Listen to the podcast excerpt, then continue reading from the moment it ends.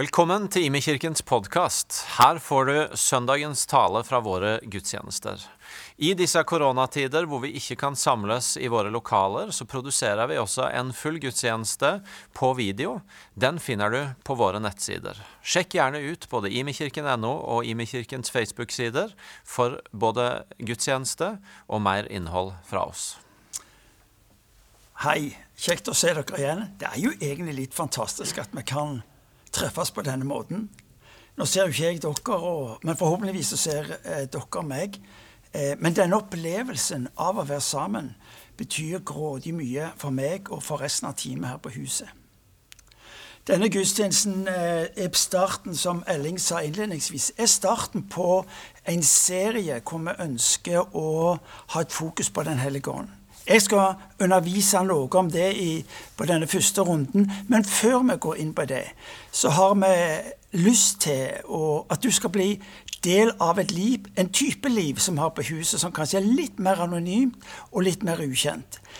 Da vi møtte, eller ble truffet av denne epidemien, så, så vokste det fram uh, iblant oss et spørsmål på hvilken måte kan vi lære av Bibelen når det gjelder å møte denne type vanskelige situasjoner. Og vi ble tatt til første krønikabok, eh, kapittel 12, vers 32, hvor vi leser om Isakars barn. Isakars barn eh, var de som forsto seg på tidene og fortalte Israelsfolket hva de skulle gjøre. Altså, der David ramser opp de ulike stammene av dyktige krigere, er det plutselig et folk, en stamme, som er utrusta til å forstå tidene, og som så fortalte israelsfolket eh, hva de skulle gjøre. Og vi spurte hva betyr det for oss. I denne tida er det svært viktig for oss å understreke det sies mye klokt, det sies mye fornuftig, som vi skal legge stor vekt på å fylle når det gjelder ordene fra helsevesenet og eh, landets ledelse. Og samtidig tror vi at Gud taler inn i denne tida.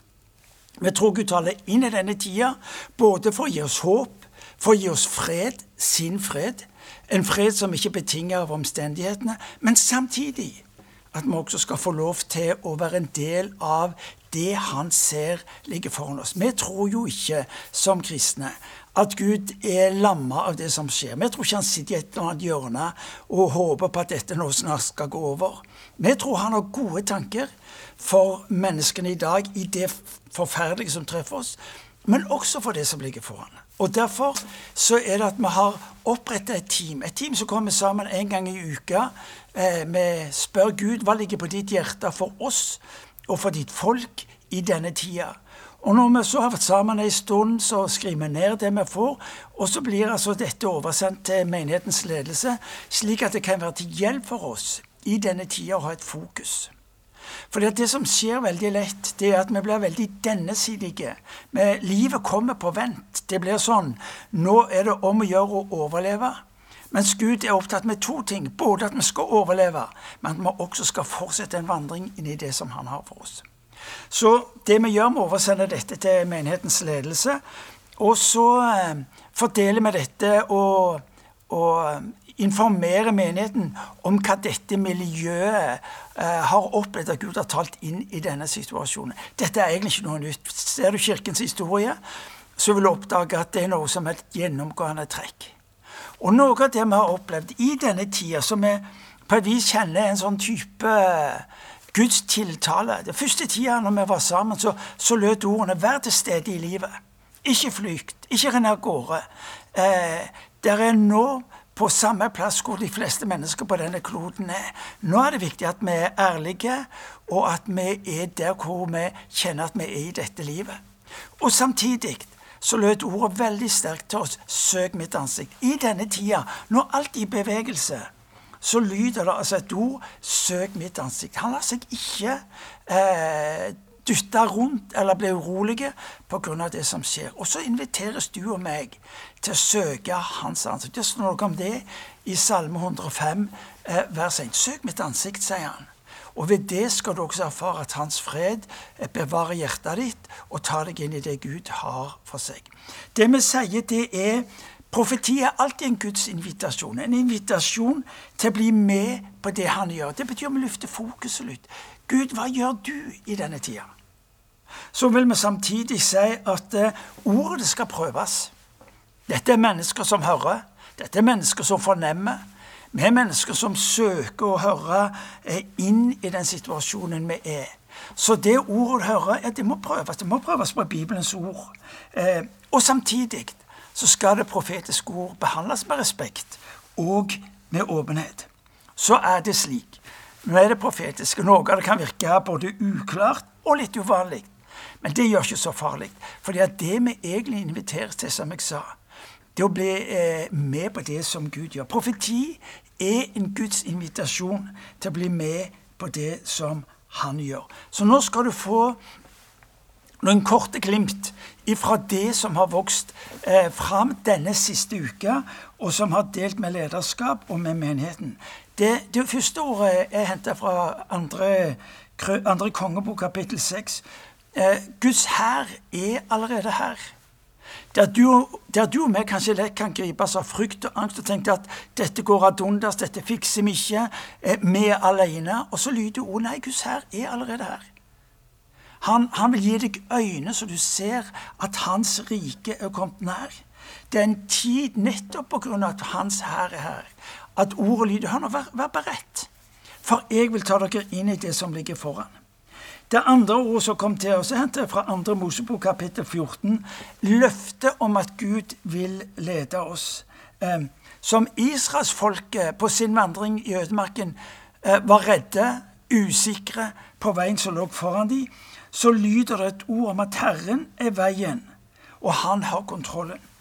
Gud vil altså føre sitt folk eh, inn i en ny måte å se på, en ny måte å handle på. Det tredje ordet som vi opplever, kommer sterkt til oss. Det er 'it's time to talk'. Av og til blir det jo sterkere når det er på engelsk. Eh, men når du, når du snakker ut troslivet ditt, så var det som å se frø som spres utover. I denne tida, i denne tida, så er det så viktig at vi som er Jesus-etterfølgere, vi gir ut av de gode ordene, Guds ord. Fordi det er som frø, og så finner det jord i menneskers liv, og så skaper det nytt liv, ny tro, nytt håp. Det fjerde det er at i dag er verden fortvila over at de har mista gårsdagen. Mange kjenner på det. Og så har de på et vis endt opp med å være redde. Eh, de er sånn en påventholdning. Men i denne tida så er det viktig at du og meg får tak i grunnleggende ting. På et vis er det som et jordskjelv som har truffet oss. Og verden vil aldri bli den samme. Hvis vi eh, hele har fokus på at vi vil tilbake til det vi var, så blir det ikke det. Men det andre er jo at på samme måten som vi blir eh, minnet om at gårsdagen den er forbi, så blir vi også minnet om at du og meg er med på å vil prege morgendagen ved det vi gir ut til mennesker rundt oss. Du og meg er invitert til å være med og skape morgendagen. Rett og slett vi gir ut de ord som Gud gir oss. Og så, så lyder det det er avgjørende viktig at Guds folk i denne tida gir ut av dette Gudsordet. Fordi det er som frø, det er som såkorn. Og hvis ikke vi gir ut av det ordet, vet du hva, folkens? Ja, da har vi ingenting som vi kan høste når vi skal høste til høsten. Det er vår nå. Og det er tid for å så ut, men det er også ei tid hvor det er for deg og meg til å være oppmerksom på at når vi sår ut, legger det også grunnlaget for det vi skal høste i morgen, og det vi skal så videre i neste omgang. Fantastisk å få lov til å leve i denne dimensjonen og kjenne at Gud han gir deg oppmuntring, han gir deg håp, han gir deg trøst, men han skaper også denne forventningen. Hør, korona kan ikke velte mine planer for deg, for ditt folk og for det som er blant oss mennesker. Så velkommen er du til å be deg inn i det du nå har hørt, og bli en del av det. Jeg kan love deg det som blir gjort med mange av oss. Det skaper forventning, det skaper trygghet i en krevende tid. Så det var innledningen. Men nå skal jeg altså bevege meg inn i det som er selve temaet i dag, nemlig Den hellige ånd, allemannseie. Kanskje tenker du at ja, ja, ja.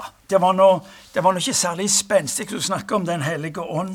Eh, det er ikke noe nytt, og mange av dere vil si vi kjenner egentlig Den hellige, hellige ånd godt. I hvert fall har vi hørt mye om han. Eller kanskje du har hørt lite om han. Men, men kanskje skal du nå i dag få noen ansatser som hjelper deg, og som skal få lov til å utfordre deg til kanskje å våge en ny måte å tenke på.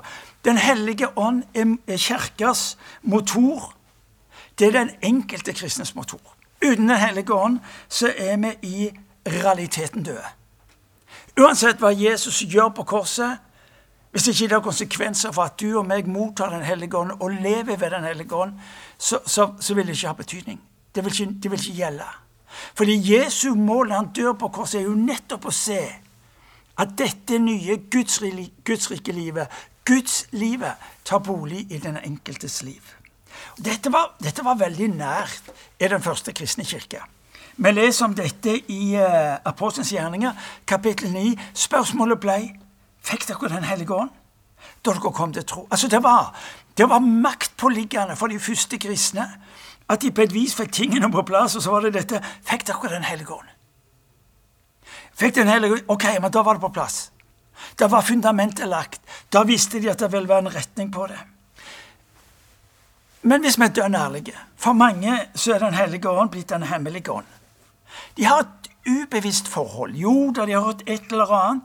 Men, men så, så, blir Den hellige ånd og karismatikk, og så, og så blir det mange som distanserer seg, for de vil, ikke, de vil ikke være i lag med disse rare og av og til litt sånn halsbrød karismatikerne. Kanskje har de sett bilder, kanskje har de hørt tale, og så tenker de aldri meg, i hvert fall. Jeg, jeg ønsker at dette skal være seriøst. Men kanskje skal du nå, i løpet av denne tida, disse ukene utover, begynne å tenke bibelsk vedrørende Den hellige ånd. Ja, rett og slett få tak i for dette er grunnleggende få tak i Jesu bilde og forhold til Den hellige ånd. For vårt forbilde er jo Jesus. Vårt forbilde må jo få tak i hans liv. Eh, vår eh, holdning må være å få tak i hans forhold til Den hellige ånd. Og det er interessant. Jesus hadde denne bærende eh, forventningen til hva Den hellige ånd skulle gjøre. Ja, satt på spissen igjen. Altså, Jesu liv ga grunnlaget for frelsens konsekvenser i et nytt liv. Jesus sier et sted, 'Men jeg sier dere sannheten', Johannes 16. 'Jeg sier dere sannheten, det er til gang for dere at jeg går bort.' Ei, ei, ei, vil du si, vent nå litt. Grann. Ja, det er akkurat det han sier. Det, det er til gode for dere at jeg trer til side slik at Den hellige ånd kan komme inn på arenaen og få lov til å gjøre sin gjerning. Det er fascinerende, for dersom jeg ikke går bort, kommer ikke talsmannen til dere. Det vil si, hvis jeg blir værende, ja, så kommer jeg i veien for det Den hellige ånd skal gjøre. Det er så bevisst hos Jesus at han er, når han på slutten av sin tjeneste sier til dem vet du hva, det er til gode. De fleste av oss vil ha tatt den diskusjonen og sagt det kan, ikke, det kan du ikke mene. Men det er det han sier. Han taler sannhet. Fordi at Jesus med sin fysiske, fysiske tilstedeværelse var begrensa. Han kunne ikke være i alle mennesker samtidig, med alt det eh, gudslivet som han selv representerte. Men går jeg bort til ham, da skal jeg sende ham til dere. Han skal herliggjøre meg, for han skal ta av mitt og forkynne det for dere, står det i Johannes evangeliet kapittel 16. Jeg syns det er så fascinerende, fordi at Jesus sier han er det. Det er han som kommer. Det er han vi må ha fokus på nå. Og så er han samtidig opptatt med nei, ja, men Den hellige ånd han vil peke på meg og si ja, men det er Jesus som teller. Og så er det nesten så de står der og diskuterer om, om, om hvem som har betydning. Nei, begge to er likestilte. Begge to er opptatt med å lufte hverandre på en sånn måte at vi skjønner det bildet som Gud hadde eh, for oss og for de. Stilte spørsmål da jeg forberedte. Hva, hva var det Jesus så? da han, da han så korset. Jo da, frelse fra synd, men få tak i dette. Men var det kanskje først og fremst livet etterpå? Forsoningen, hans, hans død på korset, hans oppstandelse? Ja, Men hva er det for noe? Det er jo gjenopprettelsen av det livet som gikk tapt. Var det det han så? Ja, jeg tror det. Derfor er han opptatt med at folkene rundt han skal få tak i at Den hellige ånd, Den hellige ånd kommer for å være det livet de lengter etter. Frelse innebærer Den hellige ånd. uten Den hellige ånd, så hjelper det ikke om du har at Du er død. Eh, derfor er det så viktig for oss at når Bibelen er opptatt med å, dele med oss at frelse innebærer Den hellige ånd, så betyr det at mange av disse uttrykkene som er kjent med karismatikk, nådegave osv., de har sitt utspring nettopp i Den hellige ånd. La oss kort se hvor viktig dette gjennom Bibelens eget selvvitnesbyrd. Eh, min gode venn Leif Hetland har sagt det slik at eh, hvis du ikke har kunnskap om det Gud gir deg, kan du heller ikke verdsette det. Og det du ikke verdsetter, kan du heller ikke forvalte. La oss se på fire korte punkter. Jesu, Jesu forhold. Jesu forhold til Den hellige ånd. Det er interessant. Det står at han ble fylt av Den hellige ånd i Matteus evangeliet kapittel 3, da han ble døpt eh, Jordanelva. I kapittel 4 så står det at han ble leda av Ånden. To ting. Altså, Han ble fulgt at det betyr hans, hans kilde for liv var ved den ånd han mottok ved dåpen. Det andre er han var under ledelse. Ja, Det betydde det var ikke bare den gangen i kapittel 4 han var under åndens ledelse. Nei, Jesus var opptatt med hele veien å, å spille på lag med Den hellige ånd, slik at han ble en del av det som lå foran. Jesu forhold til Den hellige ånd var gjennomtrengende. Når, eh, når Lukas i Apostelens gjerninger skal omtale Jesus, så sier han Jesus Kristus, han som var salvet, dvs. Si, fylt med Den hellige ånd for å gjøre de gjerningene han skulle gjøre. Med andre ord, dette var ikke bare Jesu egen bekjennelse eh, på sitt liv, men det var også det som var fortellingene om han fra de som sto rundt han. Altså Jesu forhold fulgt av Den hellige ånd. Det andre som òg er viktig for oss å få med, som du leser om i eh, både Lukas evangeliet, kapittel 24, vers 49, av Postens gjerning, kapittel 1, nemlig Faderens løfte. Altså, Jesus er opptatt med, når det er snakk om Den hellige ånd, så er han opptatt med å si Hør nå! Dette er ikke sånn en nymotens greie som dukker opp. Dette er Faderens løfte. Dette er det som har vært i fars hjerte hele tida. Gjennom generasjonene. Når du har hørt eh, vitnesbyrd om Gud som handler i Gamle Testamentet, så ligger det et løp av at Gud lengter etter å få lov til å gi ut. Jeg syns det, det, er så nydelig når han snakker om Faderen. Han har lovt det. Han har lovt alle som blir hans etterfølgere, at de skal få del i Hans ånd. Så er så dette ikke noe sånn så du og meg velger etter forgodtbefinnende. Nei, dette er Gud som handler inn i våre liv, fordi det er dette han har lovt oss. Men, det, men, men vi må også få tak i eh, hva dette betydde for menigheten, den første kristne menigheten.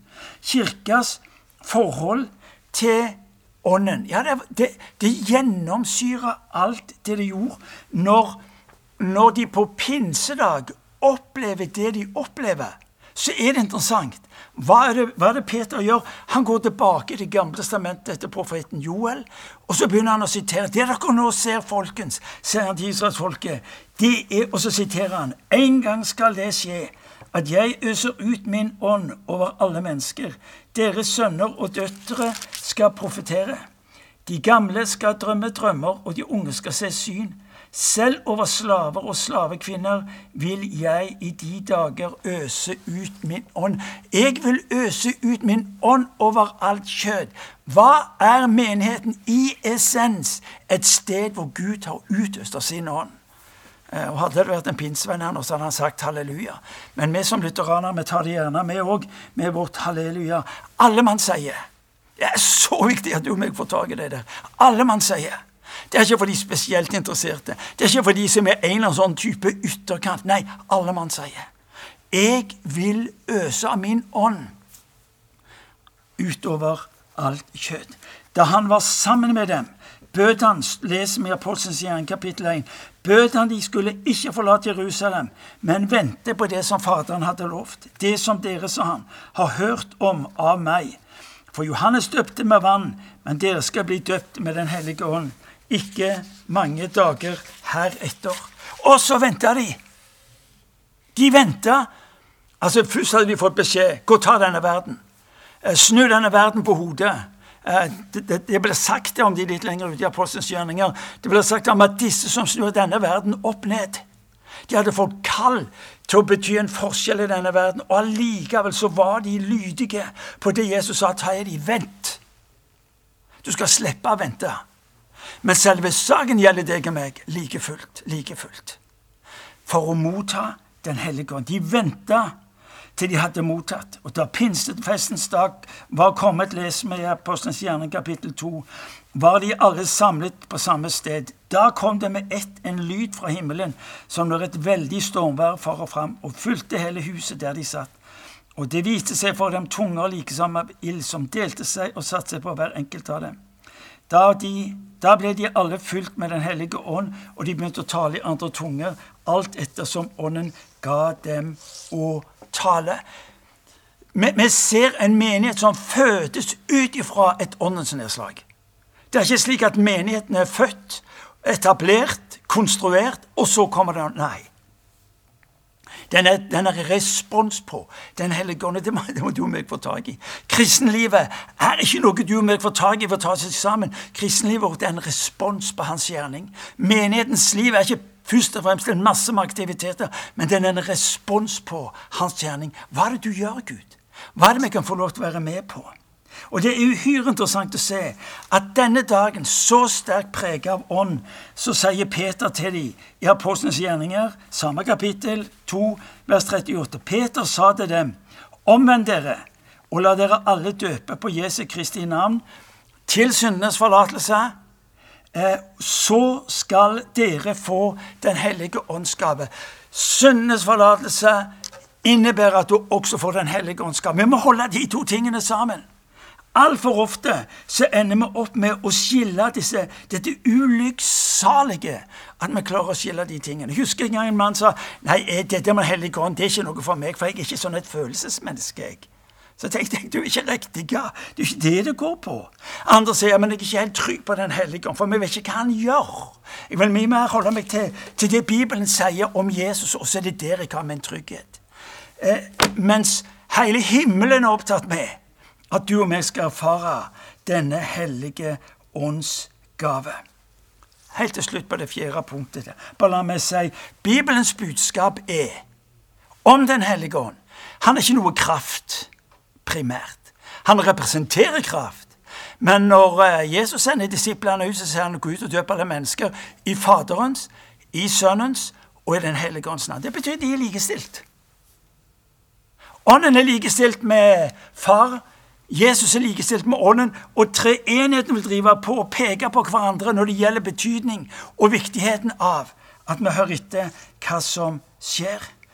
Fokus og bevissthet, det må du få med deg. Fokus og bevissthet i urkirken var fikk dere Den hellige ånd. Fokus og bevissthet eh, i urkirka fikk dere Den hellige ånd. Og det gjennomsyrer hele deres liv. Og igjen så sier jeg kunnskap, manglende kunnskap om Den hellige ånd innebærer at vi ikke lenger evner å verdsette den han er, og heller forvalte det han ønsker å være mellom ham. Bevisstheten på Den hellige ånd i urkirken tok de inn i åndens liv og i åndens kraft. Eh, hva er resultatet? Dere skal få høre noe av disse tingene utover. Men to ting ønsker jeg at du skal få tak i når vi nå stopper opp for Den hellige ånd. Det ene, som er Den hellige ånds gjerning. Og det overrasker deg kanskje. Det at fellesskapet er i sitt vesen ikke menneskeskapt, men det er åndsskapt. Koinonia, fellesskapet, gudsfellesskapet, er en gave fra Den hellige ånd. Kristenfellesskap er ikke først og fremst felles interesser og like meninger om bestemte sannheter. Paulus taler om i andre brev til korinterne, kapittel 13, 13, om fellesskap i Den hellige ånd. Altså så er altså kirke, menighet, fellesskap, huskirke Hva det er, er i sitt grunnvesen fellesskap i Den hellige ånd. Den hellige ånds samfunn skal være med de troende, lyder det i Guds ord. Pinsedagens konsekvenser ble altså Den hellige ånd både berørte mennesker og gjorde de til et fellesskap.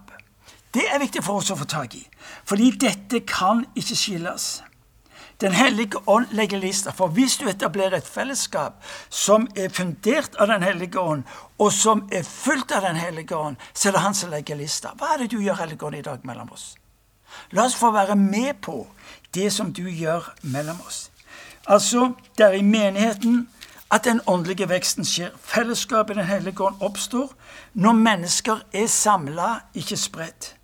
Så må altså menigheten, menneskene, eh, sørge for å være samla for å bli en del av det Gud gjør. Hva mer gjør han? Han gir oss nytt liv. Uhyre interessant. Men du leser i eh, Galaterbrevet kapittel 5, så står det Åndens frukt er hva er det Ånden, Guds ånd ønsker å gjøre i ditt og mitt liv? Jo, det står Åndens frukt er kjærlighet, glede, fred, langmodighet, mildhet, godhet, trofasthet, ydmykhet, avholdenhet. Mot slike er loven ikke. Altså, Åndens frukter, de kvaliteter og karaktertrekk som du og meg er opptatt av vi skal prege våre liv, ja, de henter du ifra Åndens liv. Nytt liv, men også ny, ny kraft. Den hellige ånd ønsker å gi deg og meg av sin kraft. Hva, ja, hva betyr det? Det betyr du må ta imot.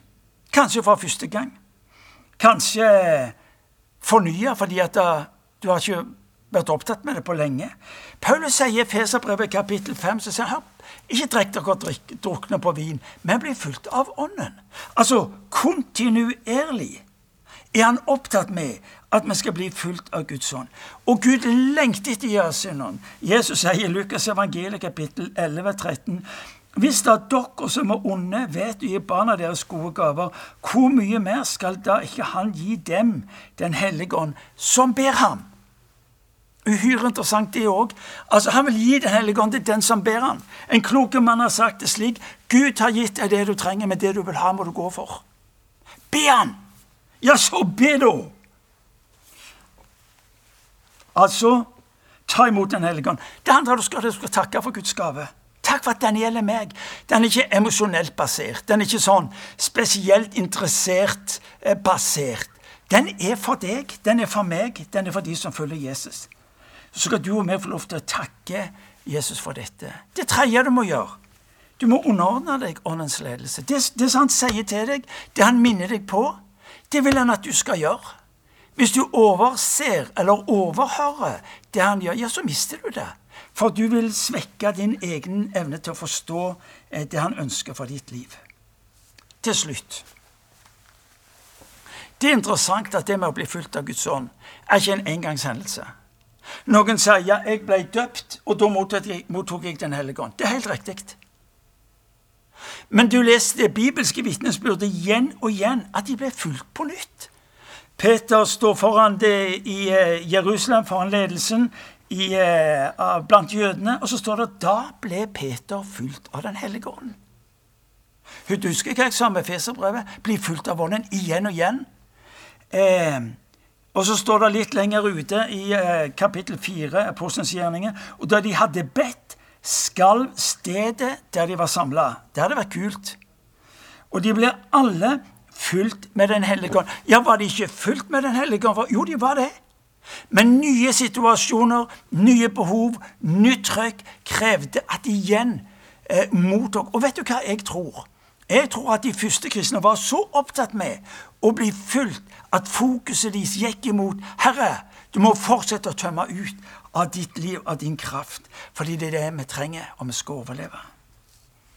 Paul, eh, Paulus har en utrolig vakker avslutning i romerbrevet når han sier Må så håpets Gud fylle dere med all glede og fred i troen, så dere kan være rike på håp ved Den hellige ånds kraft. Jeg vet ikke hvor du befinner deg i forhold til Den hellige ånd. Kanskje har du et type avstandsforhold.